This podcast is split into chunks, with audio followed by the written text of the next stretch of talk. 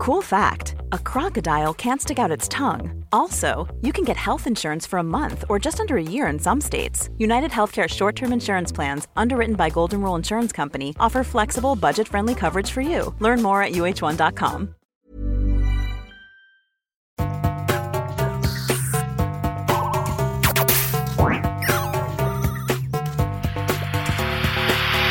Jeg heter Sondre Risholm Livrød. Jeg er psykolog, og dette er Webpsykologens podkast. Hverdagspsykologi for fagfolk og folk flest.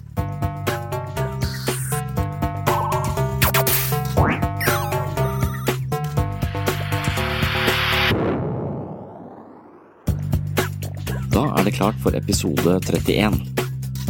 Her får du fortsettelsen fra forrige gang, men før vi tar turen til Grimstad, vil jeg si noen få ord om hvorfor jeg er så opptatt av akkurat denne tematikken. I min hverdag på psykiatrisk poliklinikk sitter jeg også i inntaksteamet. Der bestemmes hvem som skal få rett til helsehjelp på bakgrunn av søknader fra fastlegen. I perioder er det mange søknader, og mange blir dessverre avvist. Et ganske dystert, men interessant faktum er at over halvparten av søknadene til poliklinikken, i enkelte perioder, er rehenvisninger. En rehenvisning betyr rett og slett at personen har vært til behandling for psykiske plager tidligere, men av ulike årsaker nå har fått et tilbakefall og søkes inn på nytt for mer behandling. Siden det er så mange rehenvisninger, er det nærliggende å tro at de som får hjelp i poliklinikken, ikke får den hjelpen de trenger, eller at hjelpen ikke er tilstrekkelig eller har noen langvarig effekt. Man kan forestille seg mange årsaker til en slik hypotese. Min mening er at pasientene på poliklinikken hvor jeg jobber, får den beste samtaleterapeutiske behandlingen som er tilgjengelig, men problemet er at man sjelden kan kurere psykiske plager med samtaleterapi alene.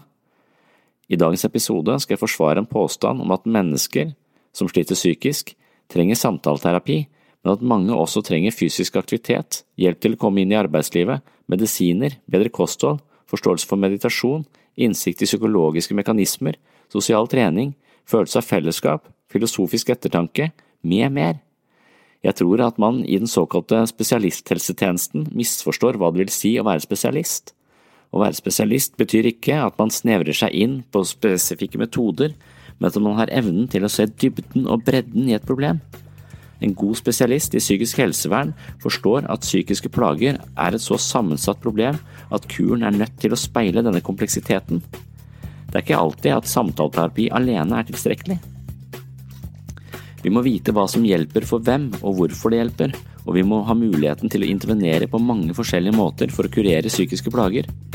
Som sagt har dette vært en av mine kjepphester i mange år, og i denne episoden forsøker jeg å overbevise studentene i helsefag ved Universitetet i Agder. Også denne gangen refererer jeg til en plansje. Den har jeg lagt ut uh, i shownotes som du finner på webpsykologen.no under fanen Webpsykologens podkast og episode 31.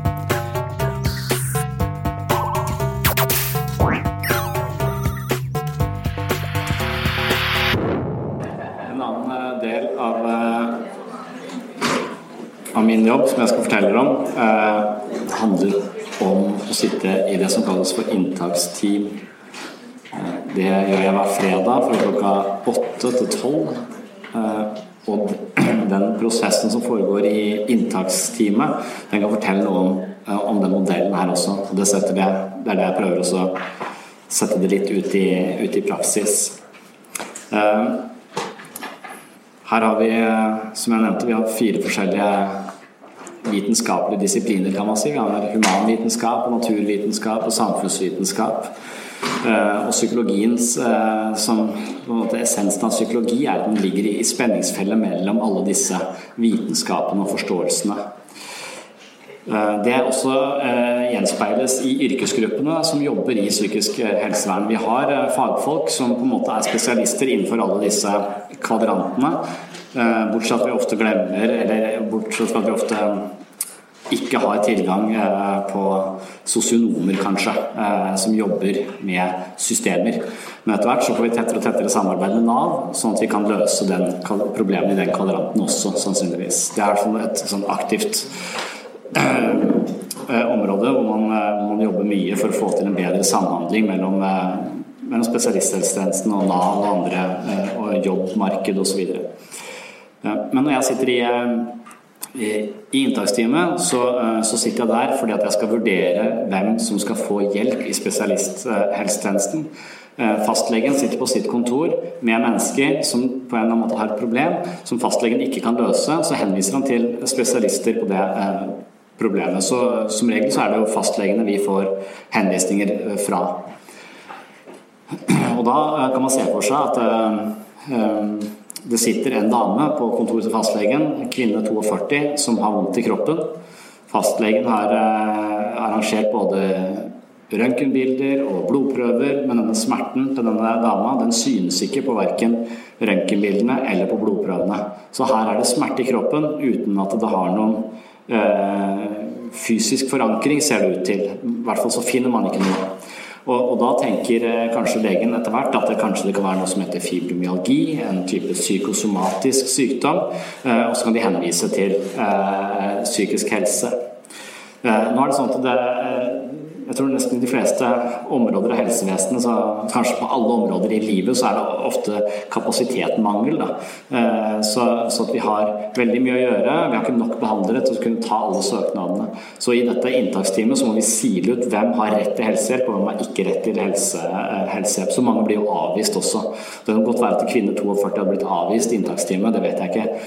Men, eh, men, når jeg sitter i inntaksteamet, så kan vi, så kan vi, se for oss at det kommer en, en søknad som heter Kvinne 42 vondt i kroppen. Den er selvfølgelig litt lengre enn det, men, eh, men det er overskriften på den, på den, søknaden. Eh, og Hvis vi sier at ok, hun har rett til helsehjelp, vi skal se om vi kan hjelpe henne, for her har fastlegen forsøkt mange kroppslige intervensjoner, men det funker ikke, og de kan ikke se smerten, så han tenker at den har en slags psykologisk forankring, denne, denne smerten. Så Da tar vi dette mennesket inn. Men så, I og med at vi har litt eh, kapasitetsproblemer, så, så, er det ikke Vi har ikke noen eksperter på fibromyalgi heller. Vi har bare mange forskjellige klinikere som jobber med litt ulik bakgrunn. Vi har mange psykologer, vi har eh, litt færre psykiatere. Eh, og så har vi en del sykepleiere, vi har ergoterapeuter, fysioterapeuter. Det er mange forskjellige faggrupper med forskjellig kompetanse som skriver seg fra de forskjellige kvadrantene.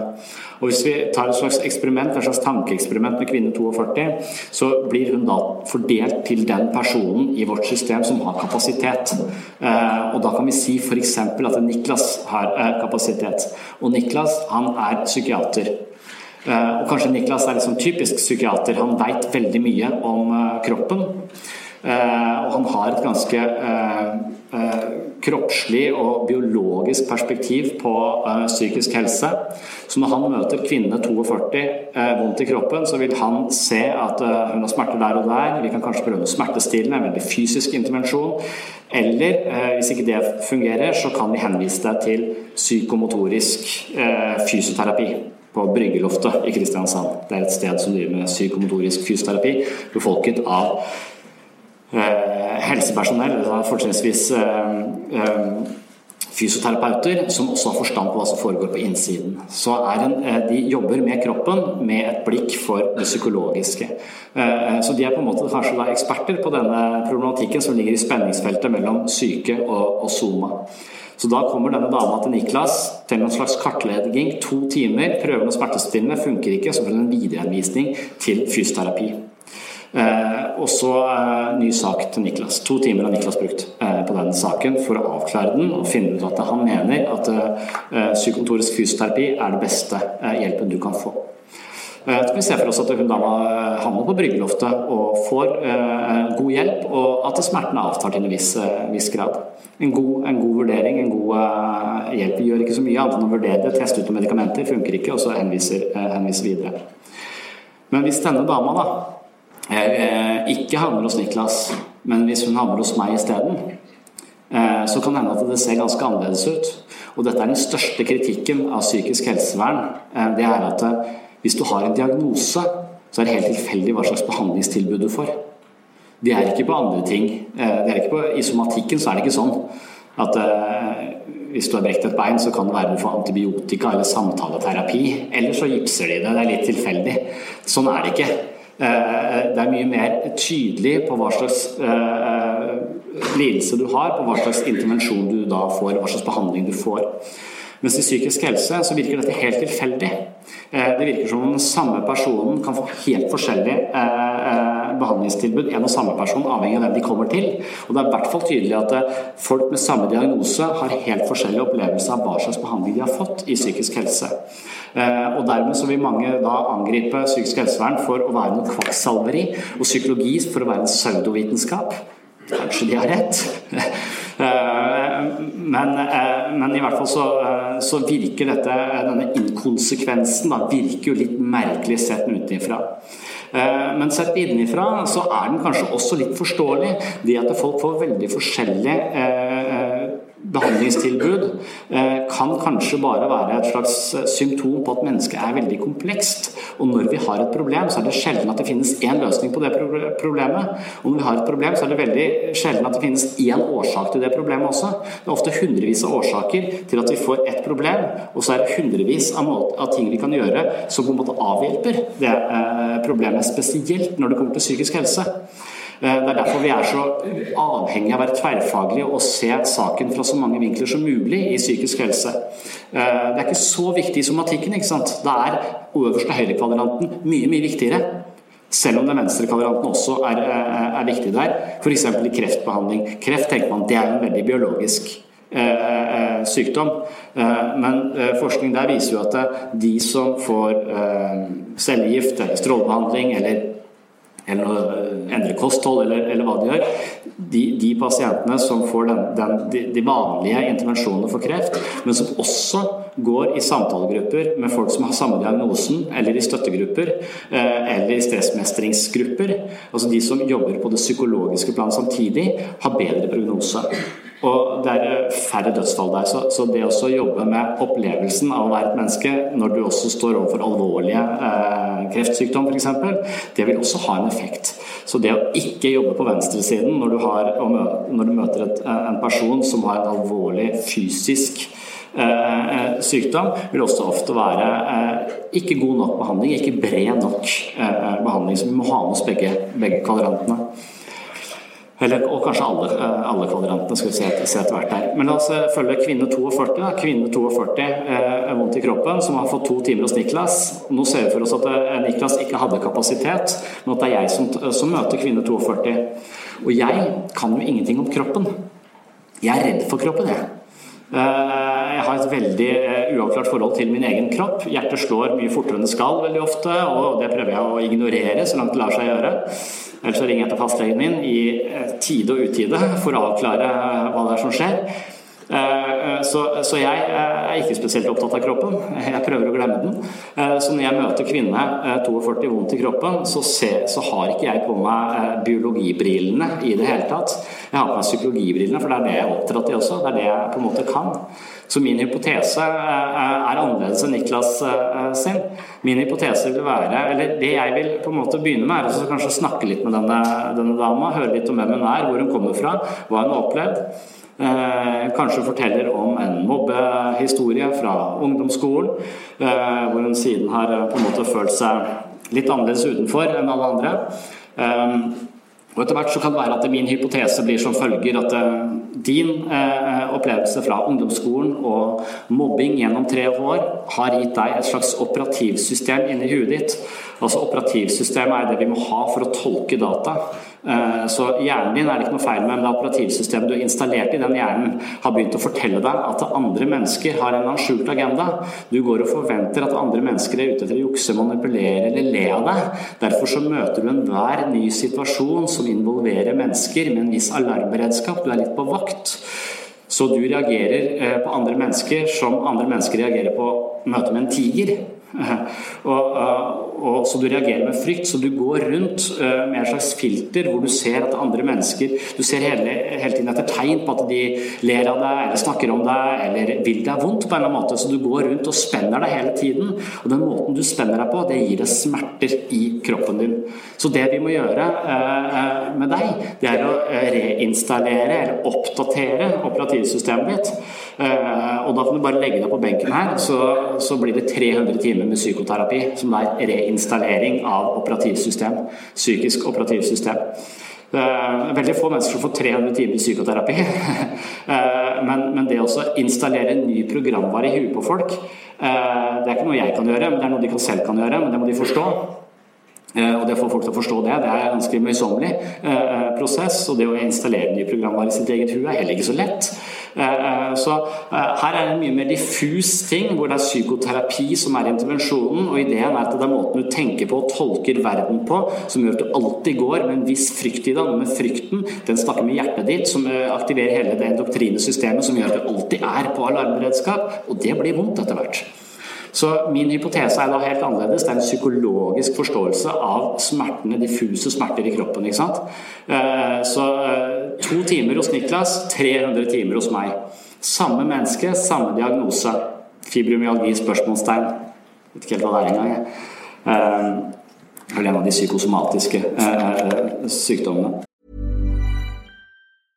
Hey, I'm Ryan Reynolds. At Mint Mobile, we like to do the opposite of what Big Wireless does. They charge you a lot, we charge you a little. So naturally, when they announced they'd be raising their prices due to inflation, we decided to deflate our prices due to not hating you. That's right. We're cutting the price of Mint Unlimited from $30 a month to just $15 a month. Give it a try at mintmobile.com slash switch. $45 upfront for three months plus taxes and fees. Promo for new customers for limited time. Unlimited more than 40 gigabytes per month. Slows. Full terms at mintmobile.com.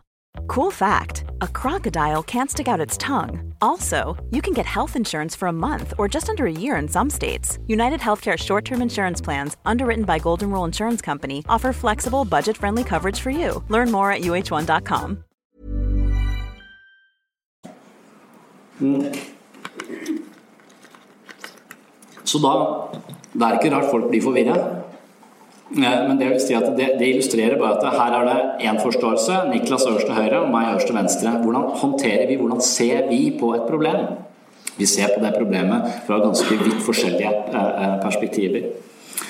Eh, et tredje scenario vi kan se for oss, det er jo at Eh, at ikke jeg heller har kapasitet, da. men at uh, Elin har kapasitet. Og Elin er faktisk sosionom. Uh, en av få, så jeg klager litt på at vi har litt lite sosionomer, men faktisk så har vi Elin, da, som jobber i 50% eller noe sånt. Så hun kan man konsultere innimellom. og la oss si at det er Elin som har kapasitet på kvinne 42. Så møter hun kvinne 42 med de der nederste høyre-brillene på, altså det interobjektive kvadranten. Altså Hun ser eh, denne damen i en kontekst, i en sosioøkonomisk kontekst, og da oppdager hun at eh, hun har ikke betalt regningene sine på over et år. Og så sier hun nei, det er helt kaos. Jeg, jeg, med, jeg, plutselig så bare tok jeg opp et lån, og så et nytt lån, og så balla det på seg. Nå orker jeg ikke å ha noe mer med det å gjøre. Så alle konvolutter med vindu eh, på, det lar jeg bare ligge eh, på en kommode i gangen som bjeffer til meg hver gang jeg skal ut, men jeg orker ikke å håndtere det. Hadde du fortalt meg det, så hadde jeg eh, kunnet eh, leve meg inn i det, for jeg har hatt samme problem selv. Eh, økonomiangst kalte jeg det. Egentlig så er det angst for å bli voksen. Det var det for, min, for mitt vedkommende. Det var når jeg flytta for meg selv for første gang etter videregående i et annet land og skulle studere, så visste jeg at hver gang jeg fikk en konvolutt med et vindu, så krevde det et eller annet av meg. Det krevde en eller annen form for administrering av mitt eget liv. Og det krevde at jeg skulle inn på en eller annen nettportal som jeg ikke hadde koden til.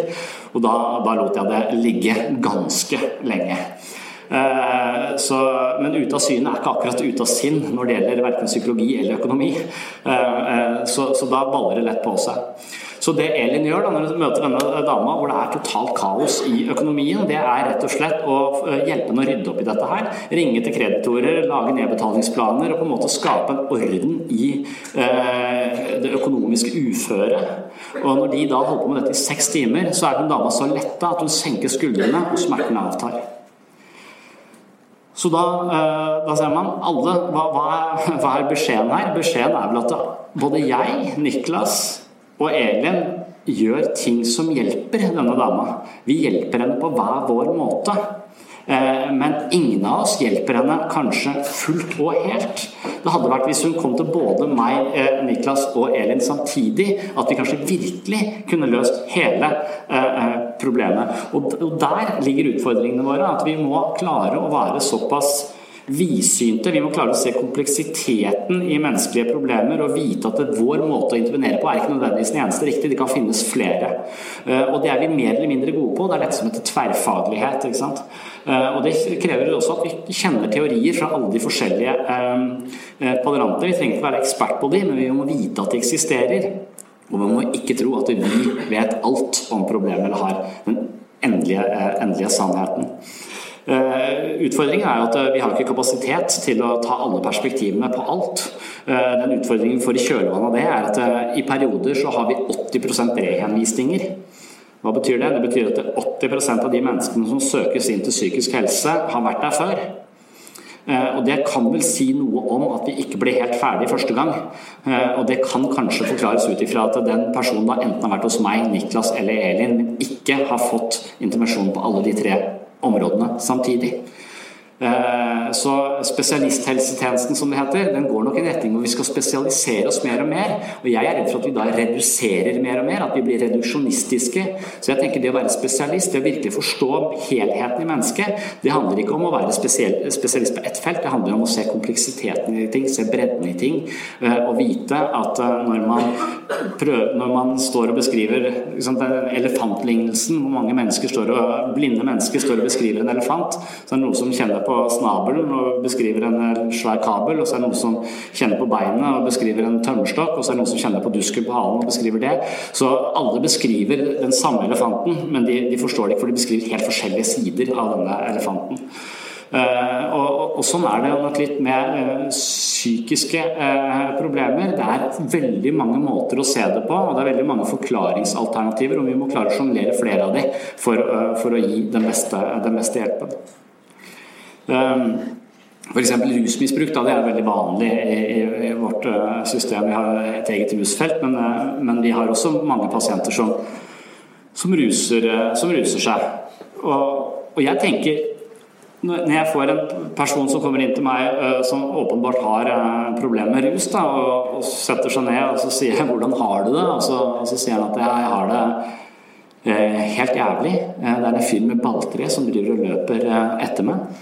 Eh, og så har jeg ikke noe sted å bo, og så har jeg ikke noe penger. Og så har jeg ikke spist på, eh, på noen dager, for det har jo ikke penger. Eh, så situasjonen er ganske vanskelig. Da sitter jeg på det trygge, varme kontoret og sier at det var godt du kom til meg. da, da har du kommet til rett sted, for dette her kan vi snakke om. Hvordan oppleves det å ha en mann som løper etter deg med balltre? Du trenger ikke være psykolog for å vite at det er ganske kjipt å ha en fyr med balltre som løper etter deg, men du trenger ikke psykolog da, du trenger politi. Og, og, når du ikke har et sted å bo, så trenger du, du trenger fortsatt ikke psykolog. Du trenger Nav eh, eller nødbolig på Hamresanden. Du trenger jo helt annen type hjelp enn det å gå og snakke om det. Eh, så veldig ofte så driver jeg og snakker med folk om ting som burde vært løst. Som jeg ikke eh, så, og, det, også, det blir bortkasta. Så, så vi er nødt til å vite hvor, i hvilken kvadrant er det skoen trykker mest. Så det å forstå et problem handler i første rekke om å plassere det i denne, eh, i denne eh, modellen her. sånn. Eh, og med denne rusmisbrukeren så er det helt tydelig at det først og fremst er nederst til høyrekvadranten vi må jobbe i. Vi må ha en sosionomer og vi må ha politi her som kan hjelpe deg med han balltretypen og, og dette med, med et sted, sted, å bo. Og så etter lang tid så kan det være du kan komme og snakke med meg om hvorfor du begynte å ruse deg in the first place, men det ligger langt fram. Først må du ha trygge omgivelser. Så vi må vite hvor skoen trykker. For at det å ikke ha et sted å bo, det påvirker alle de andre kvadrantene. Det gjør noe med nevrokjemien i hjernen hans også. Eh, det gjør også noe med den nederste venstre kvadranten. Han har ingen til stede å invitere folk hjem. Så det sosiale skorter vel litt også, når du er hele tiden på flukt fra en fyr med balltre. Så, eh, så, så, det baller på seg. Men det er først og fremst der nederste høyre vi da må intervenere. ikke sant? Så så, sånn gjør vi ofte feil. Altså, vi, vi, prøver å løse problemer i eh, kvadranter som er prematurt. Det, det, det, det holder ikke å, å, å, intervenere der i første, i første omgang. Jeg har tenkt litt sånn da, om rusmisbrukere selv, at jeg, at jeg tenker eh, Dette syns jeg er ganske original. Jeg, jeg, tror at de kunne vært på Luksusfella på TV3. Eh, da tror jeg de hadde fått seg en oppvekker. For Hvis du hadde møtt en altså skalla type som skjeller deg ut for hvordan du prioriterer økonomien din, da tror jeg ikke du hadde turt å ruse deg igjen. Så mye penger bruker du på heroin, så lite penger har du igjen til å betale regninger. Og du skamma deg så mye at du hadde aldri turt å ruse deg.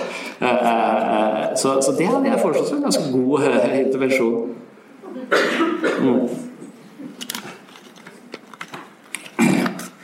Så ulike eh, problemer må forstås fra, fra, forskjellige, fra, forskjellige, vinkler. Og det vi skal nå eh, tilstrebe. Av og til så snakker jeg Märtha Louise også. Märtha hun holder på med engler. Det gjør hun fortsatt. Og, eh, og på, på sett og vis, når, når, du snakker om engler, så, så, så kan man til venstre, øverst til venstre akseptere det språkspillet. Man kan tenke at engler er en slags metafor på indre trygghet. Det er derfor jeg har en engel der. Man kan tenke at det er en slags metafor på, på indre, indre, trygghet. altså At du har eh, tro på deg selv, at du føler at du er ikke alene. Også at det er en slags styrke, en sånn mental styrke. At engler er en metafor på en type eh, trygghet ved det å være i verden. Uh, og, og, og, så lenge det, man forstår det som en metafor, så er det helt ok. Det er sånn selvutviklingsspråk, på en måte. Litt sånn New Age-aktig, men dog. Det, det, det funker. Uh, og da opererer du i den venstre kvadranten. Og så lenge hun er der, så har jeg akseptert det. Syns at ja, ja, artig, artig, perspektiv. Men så hører jeg at på kurset hennes så uh, faller det fjær ned fra taket fra englene. Som om de røyter, da. Eller som, som om englene mister fjær. Og med en gang du har en fjær, så har du endra kvadrant. Da er du over i den empiriske, naturvitenskapelige kvadranten, og da blir folk veldig interesserte. For her har du faktisk en fjær fra en engel.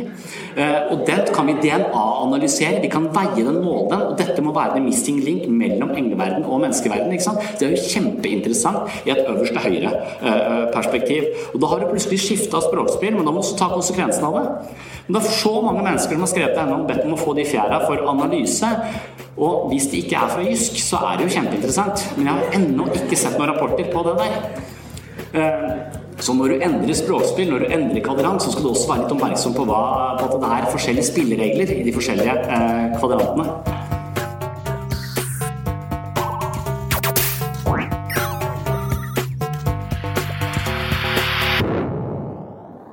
Takk for at du hørte på Webpsykologens eh, podkast.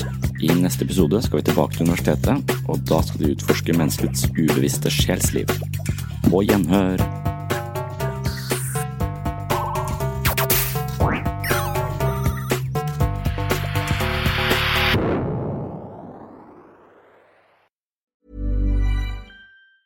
Every year, one thing is always predictable postage costs go up. Stamps.com gives you crazy discounts of up to 89% off USPS and UPS services, so your business will barely notice the change. Stamps.com has been indispensable for over 1 million businesses just like yours. It's like your own personal post office. No lines, no traffic, no waiting. Sign up with promo code PROGRAM for a four week trial plus free postage and a free digital scale. No long term commitments or contracts. That's Stamps.com code PROGRAM.